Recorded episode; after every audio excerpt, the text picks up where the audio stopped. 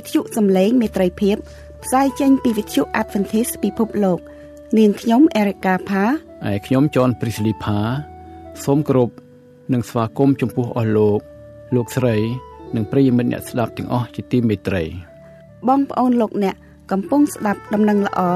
ពីវិទ្យុសំឡេងមេត្រីភាព ដែលផ្សាយចេញជាខេមរៈភាសា30នាទីរៀងរាល់ថ្ងៃពីម៉ោង8ដល់ម៉ោង8:30នាទីយប់ ថ្ងៃអាទិត្យមានរយៈពេល1ម៉ោងពីម៉ោង8ដល់ម៉ោង9យប់តាមរលកធាតុអាកាសខ្លី short wave 15675 kHz កម្ពស់15ម៉ែត្រ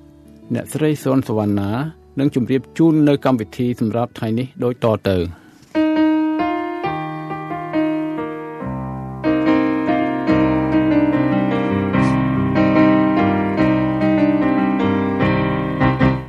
បងប្អូនស្ងួនភ្ងាជាទីគោរពនិងជាទីមេត្រីព្រះយេស៊ូវស្រឡាញ់យើងរាល់គ្នាលើសជាងព្រះជន្មរបស់ទ្រង់ទៅទៀត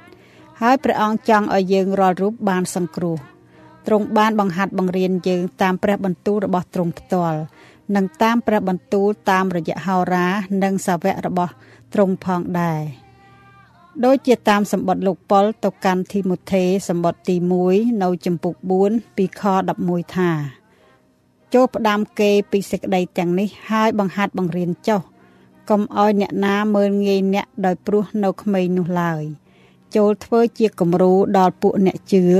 ដោយពាក្យសម្ដីកិរិយាប្រព្រឹត្តសេចក្តីស្រឡាញ់សេចក្តីជំនឿនិងសេចក្តីបរិសុទ្ធចូលឧស្សាហ៍មើលព្រះគម្ពីរហើយទូលមាននឹងបង្រៀនគេដល់រាបដល់ខ្ញុំមកខ16ចូលប្រុងប្រយ័ត្ននឹងខ្លួនអ្នក ហើយនឹងសេចក្តីបង្រៀន ចូលកាន់ភ្ជាប់តាមសេចក្តីទាំងនេះត្បិតដែលធ្វើដូច្នោះនោះអ្នកនឹងសង្គ្រោះខ្លួនអ្នកបានព្រមទាំងពួកអ្នកដែលស្ដាប់អ្នកផង នៅព្រះគម្ពីរធីម៉ូថេទី1ចំពុក3ខ11ដល់ខ16នាងខ្ញុំសូនសវណ្ណាសូមគោរពអញ្ជើញបងប្អូនលោកអ្នកនិងប្រិយមិត្តទាំងអស់ស្ដាប់អត្ថាធិប្បាយ នៃព្រះបន្ទូលព្រះដែលនាំមកដោយលោកគ្រូសនសុផាតសូមអញ្ជើញទទួលសន្តាប់ដូចតទៅ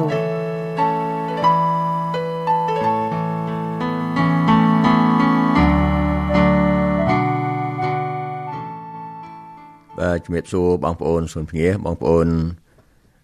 គ្រឹះបរិស័ទទាំងអស់ជាទីគោរពនិងជាទីស្រឡាញ់នៅក្នុងប្រគុណនៃព្រះអម្ចាស់បាទថ្ងៃនេះខ្ញុំបន្តធ្វើការអត្ថាធិប្បាយ នៅប្រធានបទដ៏សំខាន់របស់យើង នៅជុំវិញប្រធានបទប្រគុណខ្ញុំបានធ្វើការអធិប្បាយពី3កម្មវិធីមកហើយប៉ុន្តែថ្ងៃនេះខ្ញុំនឹងលើកយកមកពិចារណានិងធ្វើការអធិប្បាយនៅចំណុចមួយដែលខ្ញុំបានជម្រាបជូននៅចុងកម្មវិធីមុនថាព្រះគុណនេះដែលមានចែងនៅក្នុងព្រះគម្ពីរអេពីសូ ជំពូក2ខ4ដល់ខ10គឺគឺជាការបំពេញនៅបទទំនាយការបំពេញនៅបទទំនាយដែលមានចែងនៅក្នុងគម្ពីរសញ្ញាចាស់នៅគឺនៅក្នុងគម្ពីរដានីយ៉ែលជំពូក9បងប្អូនលោកអ្នកយើងឃើញថាបទបន្ទូលរបស់ព្រះអង្គគឺមានការជាប់តេតិនគ្នាអឺគម្ពីរសញ្ញាចាស់និងគម្ពីរសញ្ញាថ្មីគម្ពីរសញ្ញាចាស់គឺជា ច្រើនតែជាបទទំនាយហើយនៅក្នុងគម្ពីរសញ្ញាថ្មី គឺជាការសម្រេចឬក៏ការបំពេញនៃបទទំនាយដូច្នេះយើងឃើញថាព្រះយេស៊ូវនៅពេលដែលព្រះអង្គទ្រង់បំពេញបរិជ្ជកិច្ចនៅលើផែនដីនេះសូម្បីការសគត់របស់ព្រះអង្គការធ្វើអ្វីទៀតស្ទើរតែទាំងអស់សុទ្ធតែសម្រេចតាមបទគម្ពីរដែលបានចែងមកប្រធានបទអំពីប្រគុណនេះសំខាន់ណាស់ ចឹងបានខ្ញុំសូមឲ្យបងប្អូនយើងទាំងអស់គ្នាយកចិត្តទុកដាក់ហើយនឹងសូមអំណាចអឺបជាស្ដានៃព្រះវិញ្ញាណបរិសុទ្ធដើម្បីនឹងទ្រង់អាចនឹងបំភ្លឺឲ្យយើងបានយល់អំពីព្រះបន្ទូលដ៏ជាអាកំបាំងរបស់ព្រះអង្គដូច្នេះមុននឹងយើងមើលបទបន្ទូលទាំងអស់នេះខ្ញុំសូមអញ្ជើញបងប្អូនសុនភ្ងា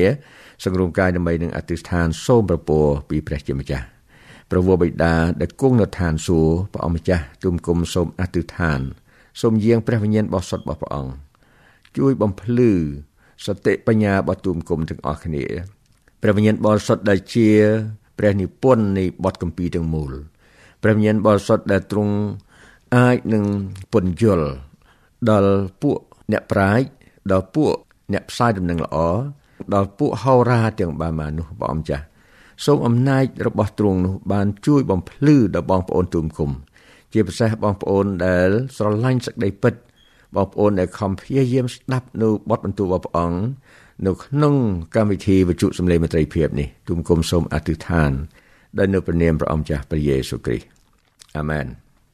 បងប្អូនយើងទៅមើលនៅបទបន្ទូល ជាគោលបទបន្ទូលគោលនោះគឺនៅក្នុងព្រះគម្ពីរអេពីសូត គម្ពីរអេពីសូតនេះបងប្អូនលោកអ្នកគឺថាជាចំណុចមួយដែលយើងត្រូវស្វែងយល់ឲ្យច្បាស់ពីព្រោះថាកន្លែងនោះ គឺជាប្រភពនៃការជជែកដេញដោលនៅក្នុងពិភពគ្រីស្ទានដែរចំពោះអ្នកដែលយល់ថាប្រគុណរបស់ព្រះយេស៊ូវការសគត់របស់ព្រះយេស៊ូវនៅលើជើងឆ្កាង គឺក្រិតវិន័យរបស់ព្រះក៏ត្រូវឆ្កាងទៅជាមួយគ្នាដែរ ខ្ញុំចង់រំលឹកជូនបងប្អូនបន្តិចថានៅក្នុងព្រះគម្ពីរទាំងមូលបងប្អូនពិចារណាមើលថាមានច្បាប់ច្រើនប៉ុន្តែយើងសង្ខេបខ្លីយើងឃើញថាមានច្បាប់តែ4ទេគឺច្បាប់សុខភាពគេហៅថា health law ច្បាប់រដ្ឋាភិវេនីគឺច្បាប់ច្បាប់សម្រាប់គ្រប់គ្រងប្រជាពលរដ្ឋរស់នៅនេះច្បាប់នោះខ្ញុំបើកវងកញ្ចក់តិចគឺថាលោកម៉ូសេជាអ្នកសរសេរច្បាប់បែបនោះគឺដើម្បីគ្រប់គ្រងបណ្ដារាជ របស់ព្រះអង្គមួយទៀតគឺច្បាប់អីបងប្អូន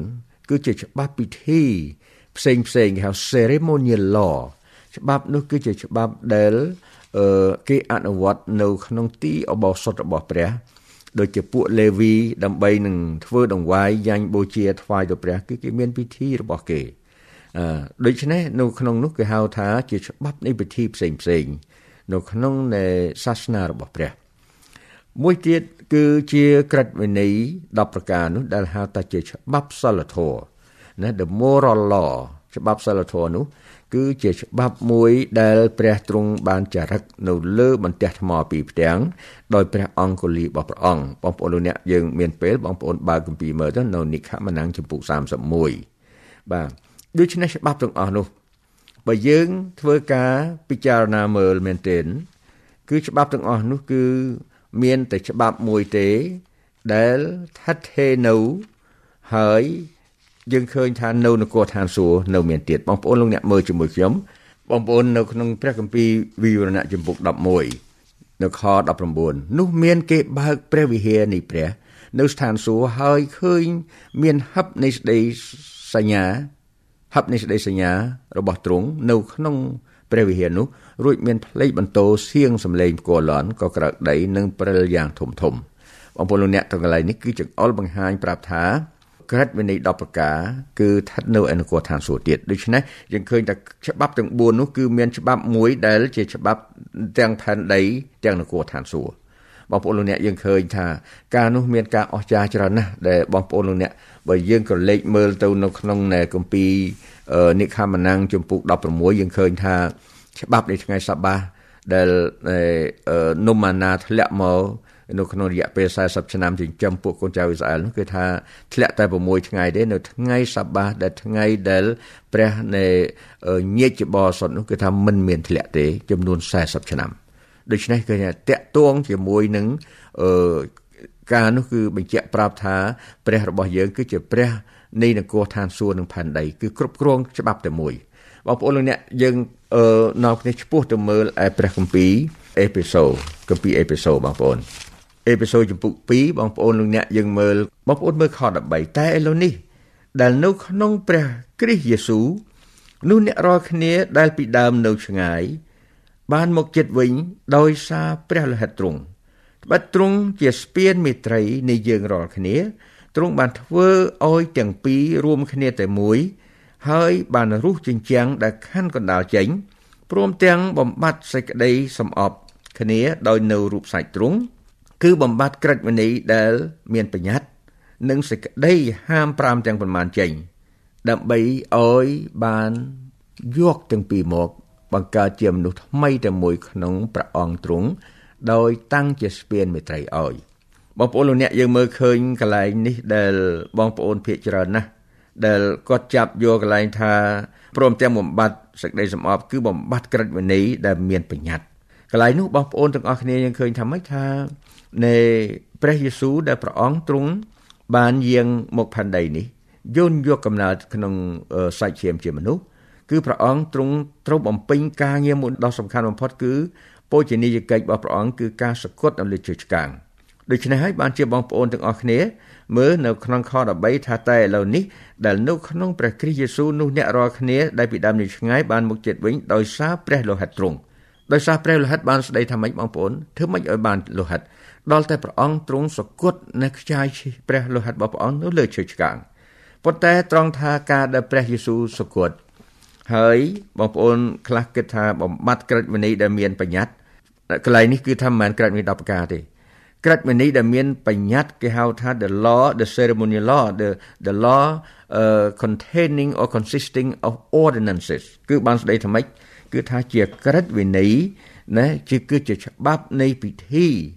បើយើងនិយាយមែនទែនគឺជាច្បាប់នៃពិធីបូជាយ៉ាញ់ដែលខ្ញុំជំរាបជូនបងប្អូនហើយថានៅក្នុងគម្ពីរហេព្រើរចំពុក10ខ10ថាម៉េច ថាព្រះយេស៊ូវគឺជាយ៉ាញ់បូជាណាមួយដងជាសម្រេចដែលព្រះអង្គទ្រង់សគត់លើជិឆ្កានោះគឺមួយដងជាសម្រេចគឺមិនចាំបាច់ធ្វើដូចជាពួកសង្ឃដែលចូលទៅក្នុងទីអបសុតបំផុតរៀងរាល់ឆ្នាំនោះទេគឺថាព្រះយេស៊ូវសគត់ម្ដងគឺជាសម្រេចដើម្បីលុះបាបយើងនេះបងប្អូនទាំងអស់គ្នាឃើញនេះមូលហេតុដែលខ្ញុំលើកមកកន្លែងនេះគឺខ្ញុំចង់ឲ្យបងប្អូនលោកអ្នកមើលឃើញថាព្រះគម្ពីរគឺជាព្រះបន្ទូលរបស់ព្រះដែលមានអំណាចជាស្ដាណាស់យើងឃើញឥឡូវនេះយើងឃើញថា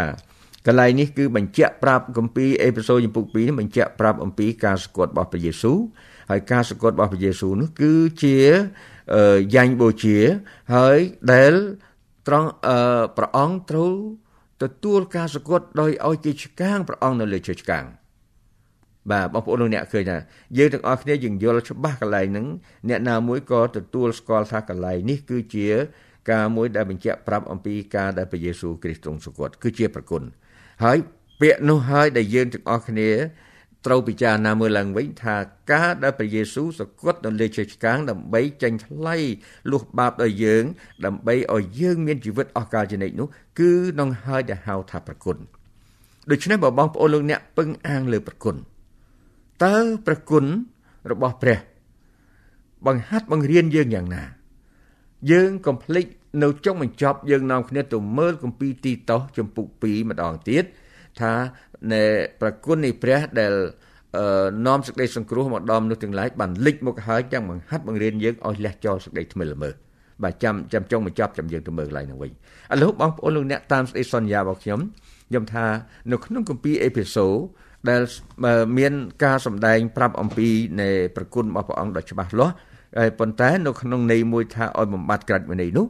គឺយើងឃើញថាជាប់តេតិនទៅដល់កម្ពីសញ្ញាចាស់លោកបងប្អូនទាំងអស់គ្នាយើងត្រឡប់មើលនៅក្នុងកម្ពីដែលជាកੁੰលឹះមួយដ៏សំខាន់បកស្រាយនៅបទទំនាយដ៏សំខាន់ណាស់គឺហៅគេហៅថា the time prophecy គឺជាបទទំនាយដែលបញ្ជាក់ប្រាប់អំពីពេលវេលា time prophecy ហ្នឹងគឺបងប្អូនលោកអ្នកបើមាន ក្តាប់លោឬក្រដាស់គឺបងប្អូនអូសបន្ទាត់មួយ ការ line timeline timeline គឺយើងអូសបន្ទាត់មួយហើយគឺថាបន្ទាត់នោះនៅលើបន្ទាត់នោះគឺយើងអាចដាក់នៅអឺឆ្នាំដែលជាប្រវត្តិសាស្ត្ររួចហើយយើងទាំងអស់គ្នា ដាក់គោលមួយដ៏សំខាន់ត្រង់ថា យើងគូសពាក់កណ្ដាលបន្ទាត់នោះគឺយើងដាក់ថាកំណើតរបស់ព្រះយេស៊ូវឥឡូវនេះចាំយើងយើងតិចចាំយើងនាំគ្នាទៅមើលកន្លែងហ្នឹងថាតើ ការនេះជាប់តេតិននឹងអ្វីខ្លះបងប្អូនលោកអ្នកមើលគម្ពីរដានីយ៉ែលចំពុក9នៅក្នុងគម្ពីរដានីយ៉ែលចំពុក9យើងមើលពីខ24ខ24គ្រប់70អាទិត្យបានកំណត់ដល់សះឯងនិងដល់ទីក្រុងបរិសុទ្ធរបស់ឯងដើម្បីនឹងរំលត់បំបត្តិអំពើរំលងនឹងធ្វើឲ្យអំពើបាបផុតទៅហើយឲ្យបានធួននឹងអំពើទុច្ចរិត ព្រមទាំងនាំសេចក្តីសុចរិតដល់នៅអស់កាលជានិច្ចចូលមកនឹងបិទត្រាការជាក់ស្ដែងនិងសេចក្តីទំនាយហើយនឹងចាក់ប្រេងតាំងអ្នកដ៏បរិសុទ្ធបំផុតឡើងបងប្អូនលោកអ្នកយើងមើលកន្លែងនេះសិននេះគឺជាបទទំនាយដែលបញ្ជាក់ពីពេលវេលានោះ time prophecy តាក់ទងទៅនឹងរយៈពេលមួយក្នុង70អាទិត្យបងប្អូនលោកអ្នកបើសិនជាបងប្អូនទាំងអស់គ្នាធ្លាប់ជួបប្រទះជាមួយនឹងបទអឺ បន្ទូលនេះយើងឃើញថាអស្ចារ្យមែនទែនដែលនៅក្នុងបទទំនាយនេះគឺយើងឃើញថាជាប់តាក់ទិនទៅនឹងខ្សែបន្ទាត់នៃពេលវេលាបទទំនាយគេហៅថា the 2300 day and year time prophecy គឺជាបទទំនាយតាក់ទងទៅនឹងបទទំនាយ2300ថ្ងៃឬក៏2300ឆ្នាំ ជាខ្សែបន្ទាត់នៃបទទំនាយនៃពេលវេលា បងប្អូនលោកអ្នកឃើញនេះកន្លែងហ្នឹងដែលយើងទាំងអស់គ្នា មើលនៅក្នុងបទបន្ទូលត្រឡប់មកមកចម្ពោះបងប្អូនមើលមកកាពីដានីយ៉ែលចម្ពោះ8ខ14អ្នកនោះក៏ប្រាប់មកខ្ញុំថាដរាបដល់បានកន្លង2300ព្រឹកនឹងល្ងាចទៅបាទនៅ2300ព្រឹកនឹងល្ងាចគឺ2300ថ្ងៃព្រឹកនឹងល្ងាចហ្នឹងគឺបង្កើតបានមួយថ្ងៃនោះទីបរិសុទ្ធនឹងបានស្អាតឡើងវិញកន្លែងហ្នឹងដែលជាការបកស្រាយមួយដ៏ធំណាស់ នៅក្នុងពិភពគ្រីស្ទានគឺថាបងប្អូនលោកអ្នកគឺគម្ពីរដានីយ៉ែលអាចផ្ដល់ឲ្យយើងនៅខ្សែបន្ទាត់នៃបទទំនាយដ៏អស្ចារ្យមែនទែនយើងមើលកន្លែងបាញ់មិញហើយបានយើងបកមកមើលនៅចំពុក9នៃគម្ពីរដានីយ៉ែលវិញយើងឃើញថាកន្លែងនោះជាប់តេតិនទៅនឹងព្រឹត្តិការណ៍មួយ ដែលចាប់ផ្ដើមហើយបានចំនួន70អាទិត្យបន្តិចទៀតយើងនាំគ្នាមើលថាបទគម្ពីរនេះ គឺបានសម្រេចដោយសារអីដោយសារការបញ្ជាក់ ការបញ្ជាក់តើយកអ្វីទៅបញ្ជាក់នឹងពេលវេលានៅក្នុងព្រះគម្ពីរបងប្អូនអ្នកមើលព្រះគម្ពីរតាំងពីដើមដល់ចប់តើមានកន្លែងណាមួយដែលបញ្ជាក់ប្រាប់ពីកាលបរិច្ឆេទដ៏ពិតប្រាកដទេមិនទេពីព្រោះព្រះគម្ពីរបរិសុទ្ធរបស់ព្រះអង្គគឺជាព្រះគម្ពីរដែលមិនដែលផុតកំណត់ដូច្នេះពេលវេលានៅក្នុងព្រះគម្ពីរមិនមានដាក់ជាពិតប្រាកដទេចាំតិចទៀតយើងនឹងមើលទៅនៅក្នុងគម្ពីរអេសារ៉ាជាដើមហ្នឹងដែលបញ្ជាក់ប្រាប់អំពីស្ដេចមួយអង្គព្រះនាមព្រះចៅ Artaxerxes Artaxerxes នឹងគឺថាមិនមានបញ្ជាក់ប្រាប់អំពីឆ្នាំពិតប្រាកដទេក៏ប៉ុន្តែទុកឲ្យយើងទាំងអស់គ្នាផ្ទៀងផ្ទាត់ទៅនឹងព្រឹត្តិការណ៍និងប្រវត្តិសាស្ត្រនៃពិភពលោករួចហើយយើងនឹងអាចមើលឃើញថាការនោះគឺជាការអស្ចារ្យមែនទែនបងប្អូនលោកអ្នកយើងមើលមាញ់មិញនេះគឺថាព្រះគម្ពីរដានីយ៉ែលចំពុក9បញ្ជាក់ប្រាប់អំពីបទទំនាយតាក់ទងទៅ70អាទិត្យ ឥឡូវខ្ញុំនាំបងប្អូនមើលថានេះបន្តិចសិនហើយចាំយើងទៅមើលនៅក្នុងបទទំនាយតាក់ទង70អាទិត្យនោះតើតើចាប់ផ្ដើមពីពេលណាមកចំណុចចាប់ផ្ដើមនៅពេលវេលានោះគឺសំខាន់បំផុតពេលវេលាដទៃទៀតគឺនឹងត្រូវសម្រេចតាមចំណុចចាប់ផ្ដើមទាំងអស់ពេលវេលាចាប់ផ្ដើមកាលណាយើងយកលេខចំណុចចាប់ផ្ដើមត្រូវគឺត្រូវទាំងអស់បើលេខចំណុចចាប់ផ្ដើមខុសគឺខុសទាំងអស់អានេះបងប្អូនលោកអ្នកខ្ញុំតែជំរាបប្រាប់បងប្អូនថា យើងរៀនពីសង្គមដែលពីមុននៅក្នុងអំឡុងឆ្នាំមុនឆ្នាំ70បងប្អូនលោកអ្នកគេថាកម្មវិធីសិក្សានៅក្នុងសាលាគេមានកម្មវិធីមួយគេហៅថាគូរីយេគូរីយេនេះគេថាគឺគេបង្រៀនអំពីចំណោទចំណោទដែលតាក់ទងទៅជាមួយនឹងពេលវេលា ដូចជាគូរីយេដូចជានៅអ្វីដែលជាប់តាក់ទិនទៅនឹងនឹងពេលវេលាគេថាពេលចេញ ពេលធ្វើដំណើរហើយទៅដល់ម៉ោងប្រហែលនេះគេថាធ្វើឲ្យយើងគិតគូរអំពីគេហៅថា time table នេះឯងដូច្នេះយើងមើលឃើញនៅក្នុងនេះជាប់តាក់ទិនទៅនឹងនៅពេលវេលា70អាទិត្យបន្តិចទៀតយើងនាំគ្នាទៅមើលនៅក្នុងពេលវេលាចំណុចចាប់ផ្ដើមបងប្អូនមើលនៅខ25ដូច្នេះត្រូវឲ្យដឹងហើយយល់ថាចាប់តាំងពីចេញបង្គាប់ឲ្យតាំងក្រុងយេរូសាឡឹមហើយសង់ឡើងវិញដល់រាបដល់គ្រាអ្នកដែលជា ដែលដែលចាក់ប្រេងតាំងនោះ គឺជាអ្នកដែលជាកម្ពូលបណ្ដាច់នោះត្រូវជាចំនួន7អាទិត្យនិង62អាទិត្យរួចនៅគ្រាជ្រួលច្រាល នោះទីក្រុងនឹងបានសង់ឡើងវិញ មានទាំងផ្លូវធ្លាននិងកំផែងផងលុះក្រោយពី62អាទិត្យនោះទៅនោះអ្នកដែលបានចាក់ប្រេងតាំងឡើងនឹងត្រូវផ្ដាច់ចេញវិញឥតមានតាក់ទងនឹងអ្វីឡើយរួចបណ្ដាទ័ព របស់ចវាយមួយដែលនឹងមក គេនឹងបំផ្លាញទីក្រុង និងទីបរសុតបងឯចុងបំផុតនៃការទាំងនោះនឹងបានដូចជាចំនួន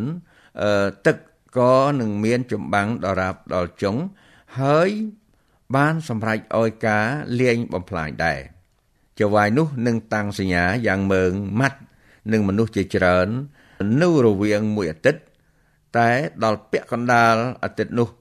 នឹងធ្វើឲ្យការថ្វាយយ៉ាញ់បូជានឹងដង្វាយឈប់ទៅ ហើយនៅក្នុងព្រះវិហារនឹងមានធ្វើការគួរស្អប់ខ្ពើមដែលនឹងបង្ខូចបំផ្លាញក៏នឹងមានសេចក្តីក្រោធចាក់ទៅលើទីខូចបងនោះដល់រាប់ដល់ចុងបំផុត ជាវេលាដែលបានកំណត់ទុកហើយលើនេះដោយសារពេលវេលាយើងខ្លីបងប្អូនលោកអ្នកខ្ញុំ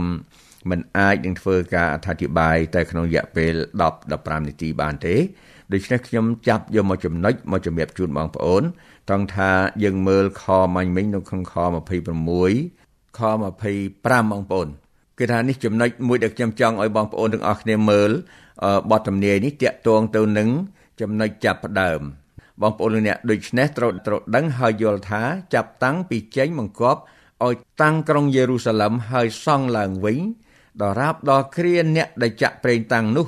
គឺជាអ្នកដែលជាកម្ពូលបណ្ដាច់នោះត្រូវជាចំនួន7អាទិត្យនិង62អាទិត្យរួចនៅគ្រាជ្រួលច្រាលនោះទីក្រុងនឹងបានសង់ឡើងវិញ មានទាំងផ្លូវធ្លានិងកំផែងផងបងប្អូនលោកអ្នកមើលកន្លែងនេះគឺអឺយើងឃើញថាបទទំនាយនេះតាក់ទងទៅនឹងព្រះយេស៊ូវបងប្អូនលោកអ្នកដឹងទេគឺថាក្នុងបទទំនាយអំពីព្រះយេស៊ូវដែលព្រះអង្គទ្រង់នឹងត្រូវសម្រេចនូវកិច្ចការ ដ៏សំខាន់បំផុតនៅក្នុងផែនការសង្គ្រោះនៃនៃមនុស្សជាតិទាំងមូលនៅក្នុងនេះចំណុចដែលជាសំខាន់ត្រង់ថាព្រះយេស៊ូវនៅកន្លែងនេះត្រូវព្រះគម្ពីរសម្ដែងថាអ្នកដែលដែលចាក់ប្រេងតាំងនោះគឺជាអ្នកកំពូលបណ្ដាច់អ្នកកំពូលបណ្ដាច់គឺពេលដែលព្រះយេស៊ូវទ្រង់យាងចុះទៅក្នុងទន្លេយូដានហើយទទួលពិធីបុណ្យជ្រមុជទឹកពេលនោះហើយដែលព្រះអង្គទ្រង់ចាប់ផ្ដើមនៅក្នុងជីវិតរបស់ព្រះអង្គនៅក្នុងដែលប្រជញ្ញរបស់ព្រះអង្គលើផែនដីនេះ មុនពេលដែលព្រះអង្គទ្រង់ចាប់ផ្ដើមធ្វើការនៃផ្សព្វផ្សាយនៅព្រះបន្ទូលពីព្រះនគរបងប្អូនលោកអ្នកចាំទេគម្ពីរម៉ាថាយចំពុក3ពេលដែលលោកយ៉ូហានបាទីសបានប្រកាសថាជួយប្រែចិត្តចុះត្បិតនគរឋានសួគ៌ចិត្តដល់ហើយនោះគឺគាត់បានដឹកនាំរៀបចំផ្លូវសម្រាប់ព្រះអង្គរួចហើយលោកយ៉ូហានបាទីសនេះឯងនៅចុងម៉ាថាយពុក3ទ្រង់គាត់បានធ្វើពិធីបុណ្យជាមួយទឹកថ្វាយដល់ព្រះយេស៊ូវកន្លែងនឹងហើយដែលព្រះយេស៊ូវនៅក្នុងគម្ពីរ ដានីយ៉ែលថា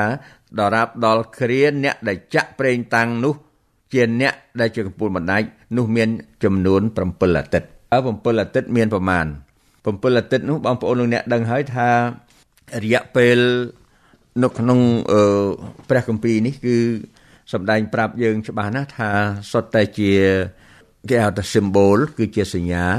ហើយនៃនិមិត្តសញ្ញាហើយនៅក្នុងពេលវេលានៅក្នុងព្រះគម្ពីរនេះយើងឃើញថា